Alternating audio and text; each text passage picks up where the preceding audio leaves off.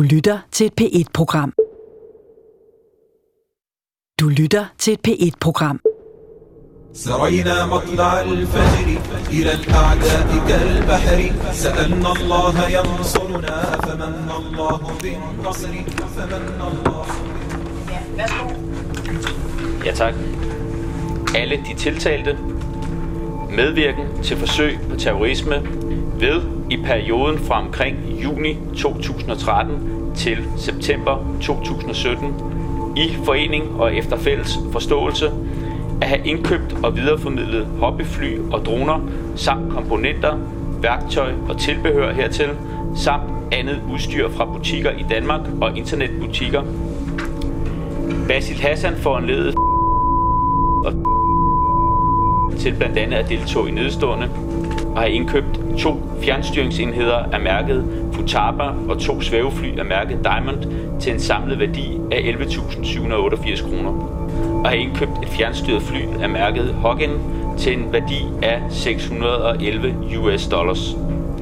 Og har indkøbt et fjernstyret fly af mærket Skyhunter og nogle elektroniske dele til samme fly til en samlet værdi af 342 kroner, øh, 342 og 49,49 US dollars. Punkt 4. Den 7. oktober 2013 fra firmaet BEV RC at have indkøbt et fjernstyret fly af mærket Skyhunter, en hastighedscontroller, tre motorer, Episode 10. Et USB-stik, to danske kameraer og 27 dræbte soldater.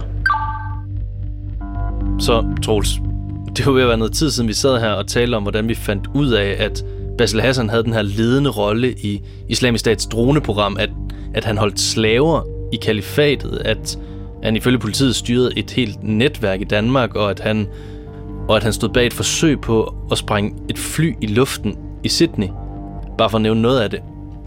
Men vi taler også om, at alt det, vi har fundet frem til, faktisk kun er begyndelsen. Ja, for nu starter retssagen mod det her formodet terrornetværk. Og det betyder, at nu skal anklageren til at vise sin hånd. Normalt så vil de gerne holde alle de her beviser tæt på kroppen, når de efterforsker. Men nu er de nødt til at lægge så mange beviser frem, at de kan få dømt underviseren, cykelhandleren og taxichaufføren for alle de her ting, som de anklager dem for at have gjort. Men det betyder også, at vi to vi får nu adgang til mange flere informationer om, hvordan det her formodede netværk har arbejdet. Altså ifølge politiet. Ja, og da vi sad her sidst, der var de her tre personer jo kun sigtet i sagen. Men så midt i juli måned, faktisk imens vi alle sammen er på ferie, så kommer der en pressemeddelelse fra den danske anklagemyndighed. Og i den her pressemeddelelse, der skriver de, at nu har de et egentligt anklageskrift klar imod de her tre personer. Og da vi læser det første gang, der bliver vi ret overrasket. Ja, for det her anklageskrift, det skærper i den grad, hvad politiet mener, at to af de her tre personer, de har medvirket til, det bliver pludselig meget mere alvorligt.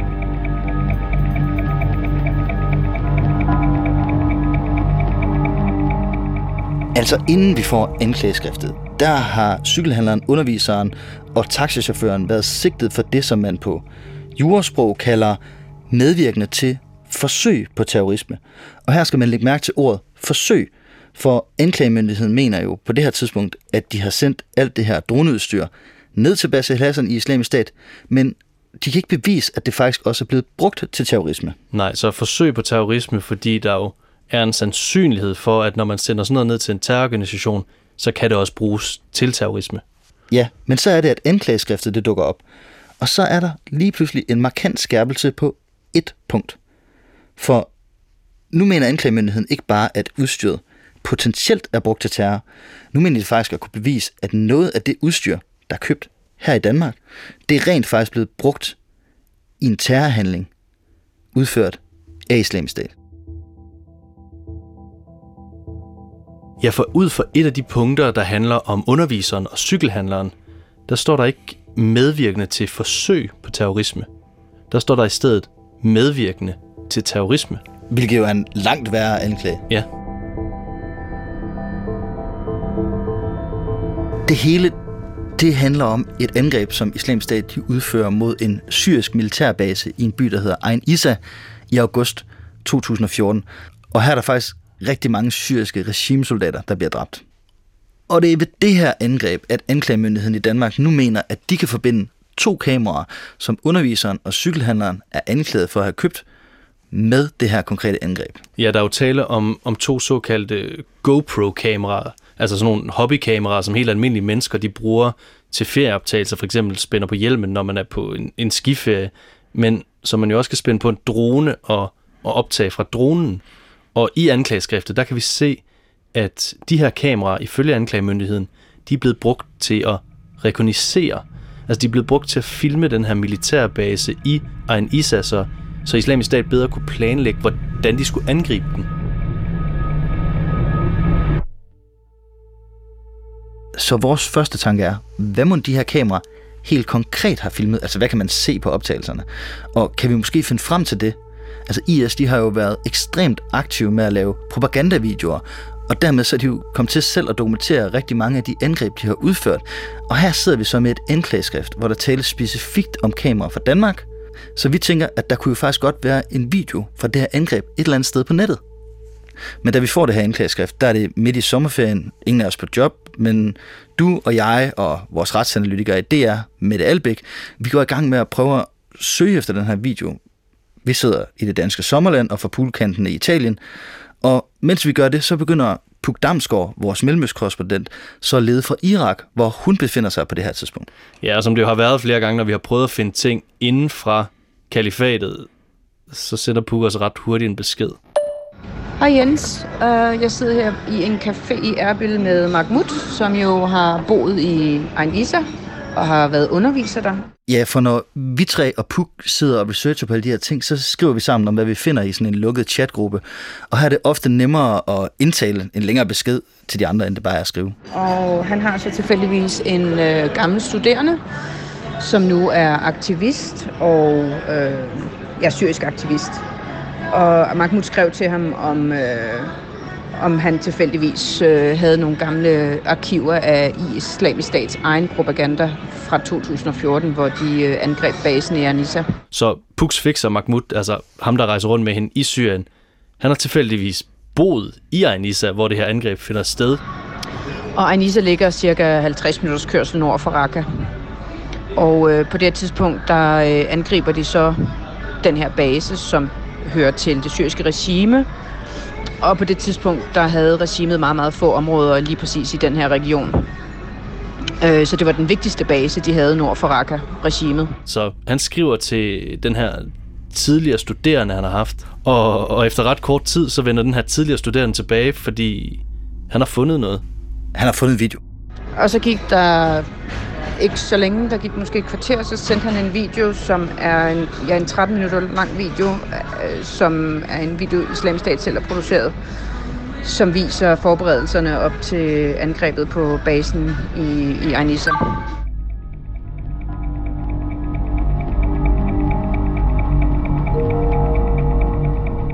Når vi afspiller den her video, så viser den sig at indeholde noget ekstremt ubehageligt materiale. أنتم تفضل مساعدة لإخوة داغستاني هنا نعم Den starter med, at man ser en gruppe IS-krigere, der sidder på jorden i militærtøj med et stort landkort. تراكس ثلاثة نقطة موجود والتراكس مباشرة يأتي يفتح طريق ثاني استشهادية يدخل إلى مكان قيادة في مكان قيادة تمام De sidder og peger, og det ser ud som om, de er ved at planlægge, hvordan de skal angribe et bestemt sted på kortet. Og derefter, så dukker der faktisk dronebilleder op. Videoen den klipper til billeder optaget fra en drone, som filmer en stor syrisk militærbase. Og på skærmen, der står der fra linsen af en drone tilhørende islamisk stats her. Ja, så Puk og Mahmoud, der sidder på den her café i Irak, de finder et, et kort over den her base i Ain Issa frem på Google Maps, og så sammenligner de med det, de kan se på billederne fra dronen på den her IS-propagandavideo. Øh, vi har sammenlignet det med kort over den, og det ligner den fuldstændig. Og, og hverken Mahmoud eller jeg er i tvivl. Og det dronen filmer, det er netop basen i Ain Issa. Så vi har fundet den video, der faktisk viser det angreb, vi leder efter. Ja, og der er rent faktisk også billeder filmet med noget, der i hvert fald kunne ligne et GoPro-kamera på en drone.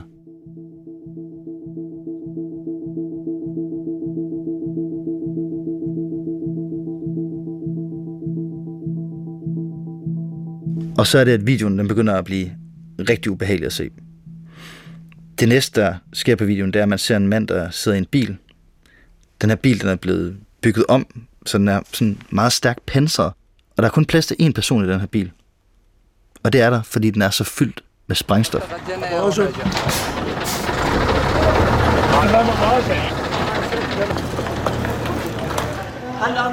Og så ser man flere af de her køretøjer, der kører afsted i ly af natten Og der er helt stille, mens man bare ser billederne af den her næsten bælragende mørke syriske nattehimmel. Og pludselig så ser man bare et kæmpe lysglimt. Og så eksploderer der bare en kæmpe bombe ved den her base.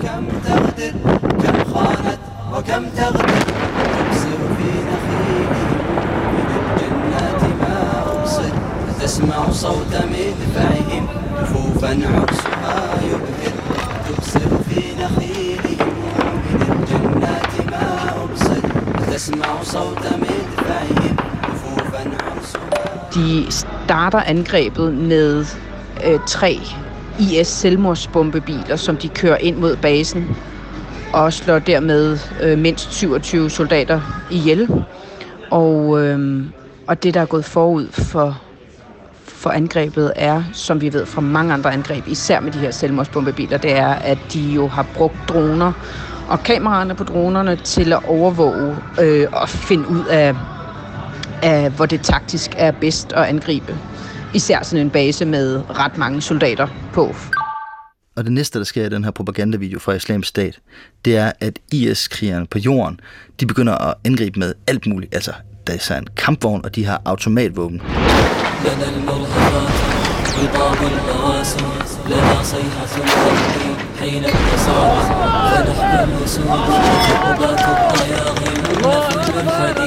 بعزم شديد نفل الحديد بعزم شديد إذا الحرب جاءت بلحن الرصاص نزلنا على الكفر نبغي القصاص نساقون للموت ما من أناء وريد ونرضي بحد الحسام الرؤوس ونشفي بضرب Og man kan se på billederne, at de skyder mod det, der skulle være soldater fra det syriske regime, der forsøger at flygte fra basen. Og mens man ser den her kæmpe kolonne af mennesker, der flygter, så kan man bare se, at nogle af dem, de falder til jorden. De bliver simpelthen skudt.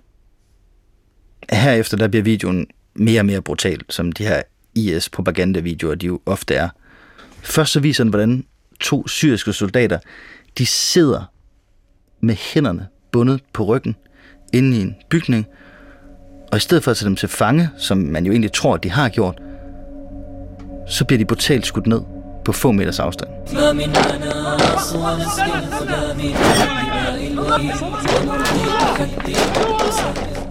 Og til sidst i videoen, så filmer de her IS-soldater det ene lige efter det andet. De zoomer blandt andet ind på et syrisk flag, som en af de dræbte soldater har på sine bukser. Altså ligesom for at dokumentere, at de har vundet endnu et slag. De siger så også fra det syriske observatorium, at der efterfølgende blev fundet lig sådan rundt omkring i, i området omkring basen, og det svarer til, at vi på videoen kan se øh, soldater, der løber væk og sidenhen bliver ja, slået ihjel. Så, så det passer umiddelbart ret godt sammen, hvis vi skal sammenholde øh, de to informationskilder.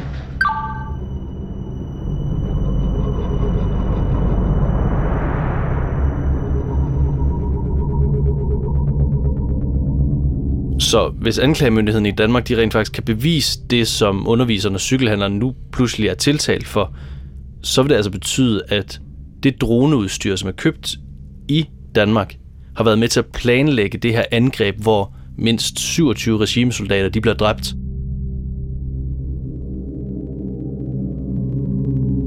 Ja, det er jo nogle meget voldsomme anklager, og det åbner også for et andet spørgsmål, som vi stiller os selv og hinanden, da vi læser det her anklageskrift første gang.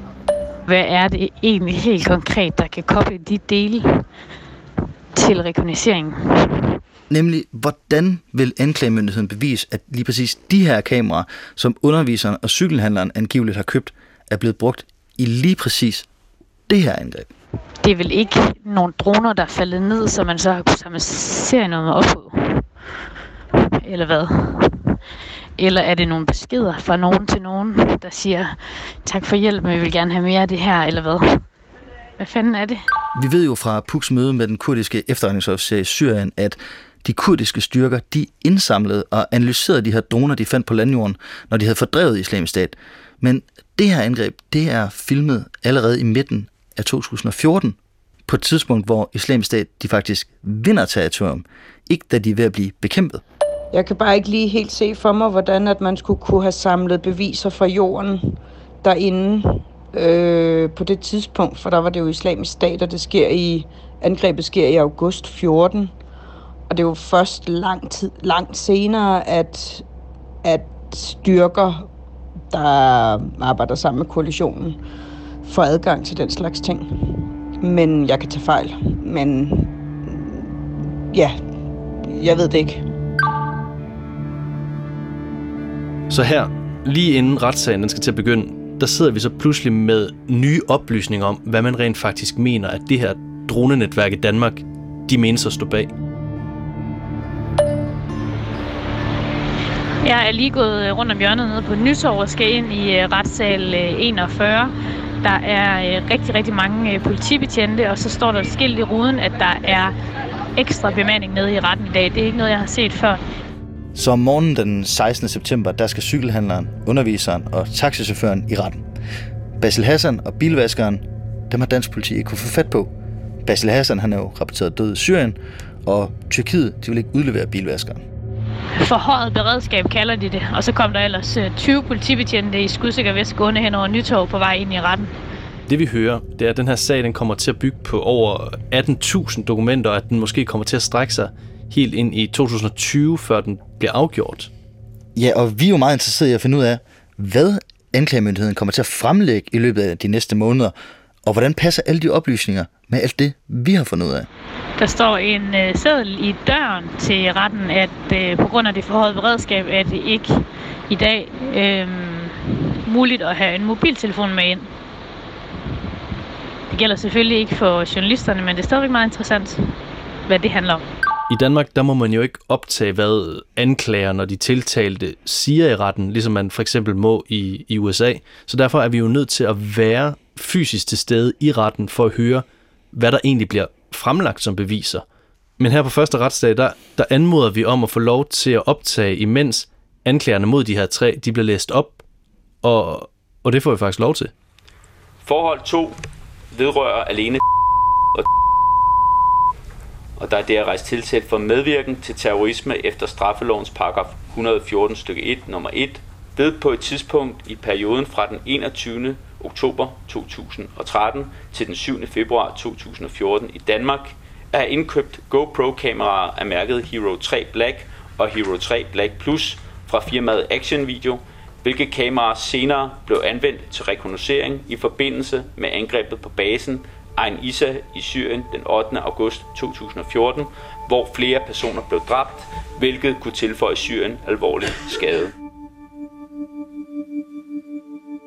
Så herinde i byretten i København, der sidder der tre dommere og seks nævninge, som i sidste ende skal afgøre, om de tre på anklagebænken er skyldige.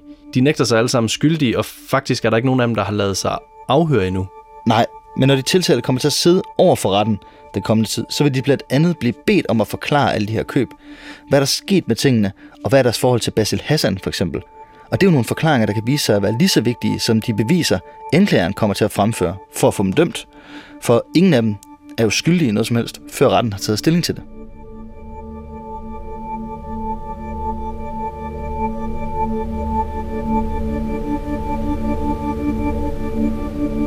Og der er jo en del ting, der bliver interessant at få underviseren og cykelhandleren og taxichaufførens forklaring på. For udover det her angreb i Ain Issa, hvor der jo angiveligt er brugt kameraer købt i Danmark, så er der en masse andre små detaljer i det her anklageskrift, som anklagemyndigheden jo kommer til at skulle spørge de, de tiltalte ind til. Ja, og som vi også undrer os over første gang, vi læser, hvad det er, de er anklaget for. Og har indkøbt to svævefly af mærket Diamond, et fjernstyret fly af mærket Hoggen, et fjernstyret fly af mærket Skyhunter at have indkøbt et jetfly af mærket BK Rookie, og have indkøbt to jetfly af mærket Viper, og have indkøbt to modelfly af mærket Hoggen.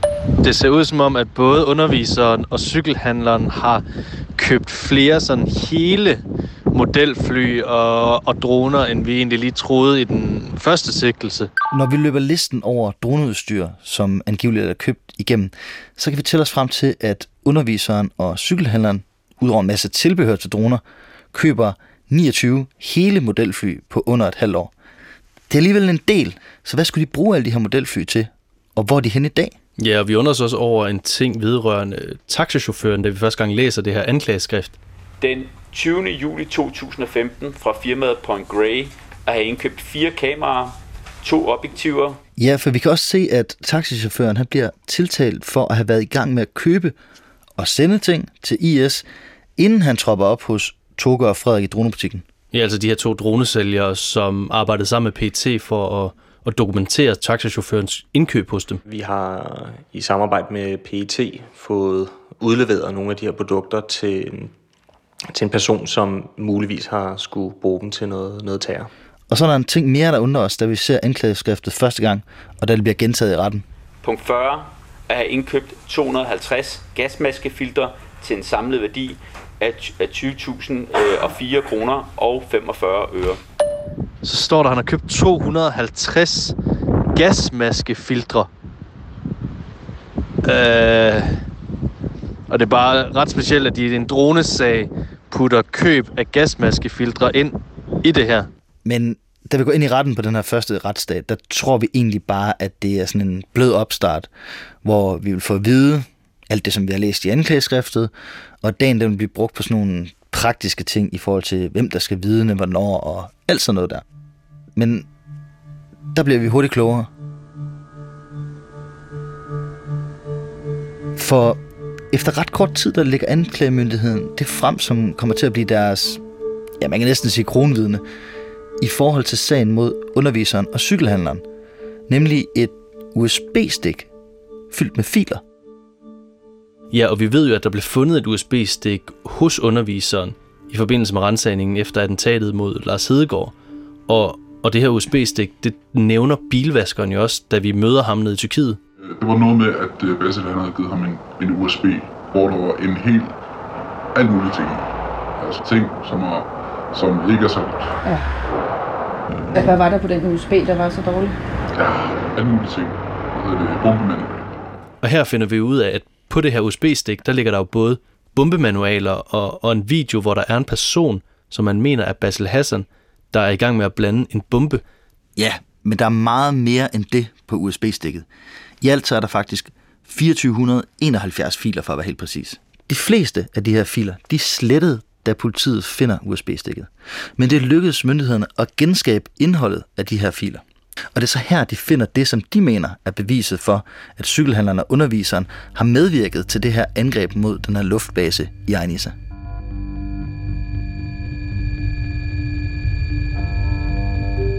Efter at anklagemyndigheden har nævnt USB-stikket, så viser de tre videoer i retten, som vi så kan sidde og se med på på pressepladserne. Det er det, de i retten kalder for dronevideo 1, 2 og 3. På den første video, der er billedet sådan ret rodet og rystet, når det starter, og, og man kan fornemme, at personen er ved at sætte det her GoPro-kamera fast på dronen, eller ved at tænde kameraet.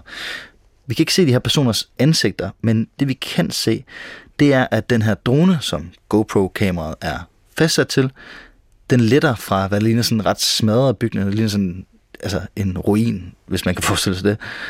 Og den flyver så ud over sådan et ret øde område. Først så troede jeg faktisk, at det var sådan nogle kornmarker, men da den senere lander, så kan man se, at det er faktisk bare sådan nogle sten, der ligger nærmest i formation ud over. På et tidspunkt, så kommer dronen her jo så ud af det her øde område. Og det man så kan se, det er, at der dukker sådan et industriområde op. Altså der er noget asfalt, og der er nogle sådan industrielle bygninger, vil jeg kalde dem. Og hvis ikke jeg vidste så ville jeg ikke ane, hvad det var.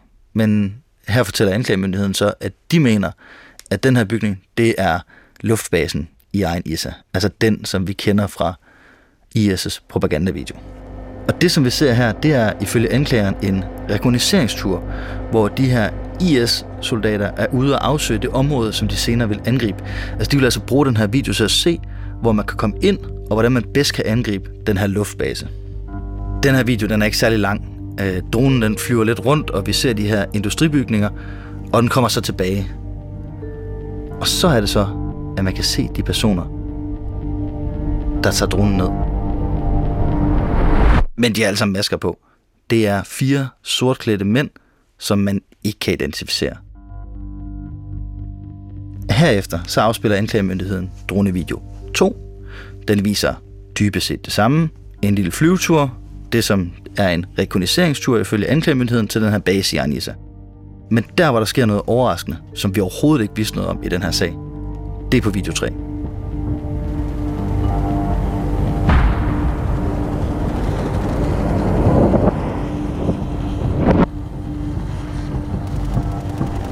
Det starter egentlig med at være nogenlunde det samme, som har udfoldet sig i de to andre videoer. Dronen flyver ud, kommer tilbage, men så sker der noget, der ikke er sket i de to andre videoer. For da den her drone den lander, så kan vi igen se en flok personer tage imod den.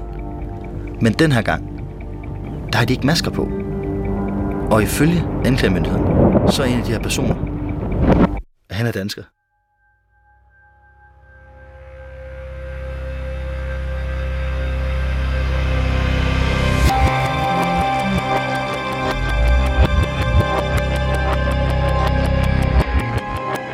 Den her syrienskriger, som anklagemyndigheden altså mener er dansk, ham mener de også at vide præcis, hvem er. For den her mand, han er tidligere fodboldspiller. Han har faktisk spillet professionel fodbold i FC Nordsjællands ungdomsafdeling. Og så har han faktisk været inde omkring det danske ungdomslandshold i fodbold. Og den her ungdomsfodboldspiller, han dukker så ifølge anklagemyndigheden op i den her video, hvor han så står og, og tager imod den her drone, der har været ude at rekognisere inden det her angreb mod Anissa. Ja, men det, der er endnu mere relevant i den her sammenhæng, end at han har spillet fodbold, det er, at han tidligere er dukket op på PT's radar i 2012 i den såkaldte Harskov-sag. Tre terrormistænkte på vej ind i dommervagten i København. I dag blev de varetægtsfængslet i 26 dage. Altså Harskov-sagen, den har fået sit navn, fordi aktionen, som PT foretager, den foregår i Harskoven uden for København. PT de får på et tidspunkt en kildeoplysning om, at en lille gruppe personer de efterspørger nogle automatvåben, som de gerne vil købe. Helt præcis, så vil de gerne have to AK-47. Og planen den skulle være, at de gerne vil bruge de her våben til at skyde danske soldater, som netop er kommet hjem fra Afghanistanskrigen. Ifølge PET er de tre sigtede dog stadig mistænkt for at have været i færd med at planlægge en terrorhandling. Politiet vil dog i dag ikke fortælle, hvilken terrorhandling, eller om man vil sigte de tre efter terrorparagrafen. Det lykkedes PT at få indsat en agent som den her våbenhandler, og dermed så får de forpurret planerne. Men selvom PT ansatte for at være en terror efterforskning, så ender det alligevel aldrig med at blive en terrorsag. De tre personer de bliver kun dømt for ulovlig våbenbesiddelse. Ifølge ham selv, hvad er han så skyldig i? Jamen, så er han skyldig i at, at medvirke til overdragelse af to AK-47 øh, automatrifler. En af de her tre, der bliver dømt i den her sag, det er jo den her fodboldspiller, en person, som vi jo ikke anede havde noget som helst med den her dronesag at gøre. Nej, nej, og nu står han pludselig på den her video, som anklageren mener er helt afgørende i sagen. Det er ikke sikkert, det er vigtigt, hvem han er, for vi aner ikke, hvilken rolle han skulle have spillet i det her netværk.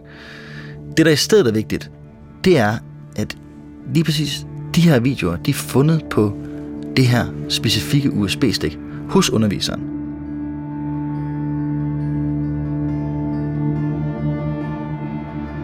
Da vi har set de her tre videoer, der er blevet fundet på USB-stikket, så fremlægger anklagerne en ny video. Den her video, som et teknisk hold fra politiet har lavet, det er en sammenligningsvideo, kalder de det. Og her sammenligner de optagelserne, der er fundet på USB-stikket hos underviseren, med de optagelser, der bliver brugt i den her propagandavideo fra Islamic State.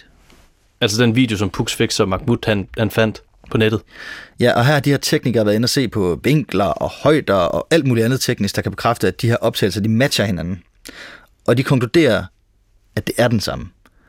Så groft sagt, så påstår anklagemyndigheden, at det, der ligger på USB-stikket, det er råoptagelserne til de her droneoptagelser, der er i propagandavideoen. Men bare fordi videoen har ligget på et USB-stik, hvordan kan man så vide, at, at det kamera, der har optaget indholdet, at det skulle være købt i Danmark, og så sendt ned til islamisk stat, som der jo står i anklageskriftet? Altså, hvordan kan man bevise, at bare fordi man har råoptagelserne liggende på et USB-stik, så har man også været med til at sende nogle kameraer til islamisk stat? det ved vi faktisk ikke, hvorfor anklagemyndigheden mener, at de kan få alle tre videoer. For når politiets teknikere de har spurgt det her firma GoPro, altså producenten, hvilke kameraer, der har optaget video 2 og 3, så kan de ikke finde et eller andet serienummer eller noget andet teknisk, der kan identificere netop det kamera, når de kigger på de her optagelser. Og derfor så har teknikere også prøvet at bede om hjælp hos FBI i USA, men FBI de har heller ikke kunnet finde ud af, hvilke kameraer video 2 og 3 stammer fra. Men hvad så med video 1? Ja, det interessante ved video 1, det er, at her mener de faktisk, at de kan spore, hvilket kamera, der er brugt. Og det kamera, det mener anklagemyndigheden, at de kan spore til en dansk forhandler, der hedder Playground, der har videresolgt det til en anden dansk forhandler, der hedder Action Video. Og her mener de at kunne dokumentere, at de her to kameraer, dem har underviseren og cykelhandleren købt hos Action Video. Og så stopper anklagemyndigheden deres fremlæggelse. Hvordan de mener at kunne dokumentere, at underviseren og cykelhandleren har købt de her kameraer hos Action Video, det vender de tilbage til på en senere retsdag. Så vi sidder lidt tilbage med flere spørgsmål, end vi kom med, eller i hvert fald nye spørgsmål, end dem vi kom med. Så da den her første retsdag, den, den slutter, så er det ret tydeligt for os, at, at de her retsdage kan komme til at byde på nogle, nogle ret store overraskelser for os. Ja, og det der kommer til at ske de næste retsdage, det er, at underviseren, cykelhandleren og taxichaufføren, de skal svare på spørgsmål.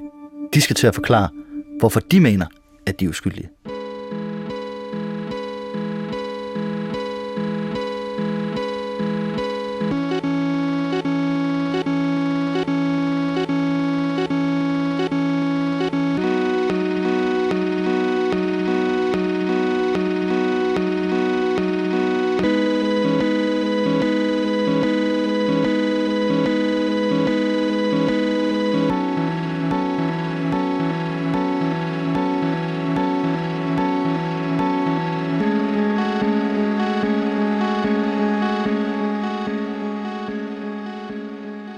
Kan finde alle P1-programmer på dr.dk-p1.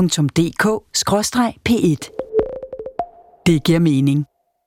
Du kan finde alle P1-programmer på dr.dk-p1. Det giver mening.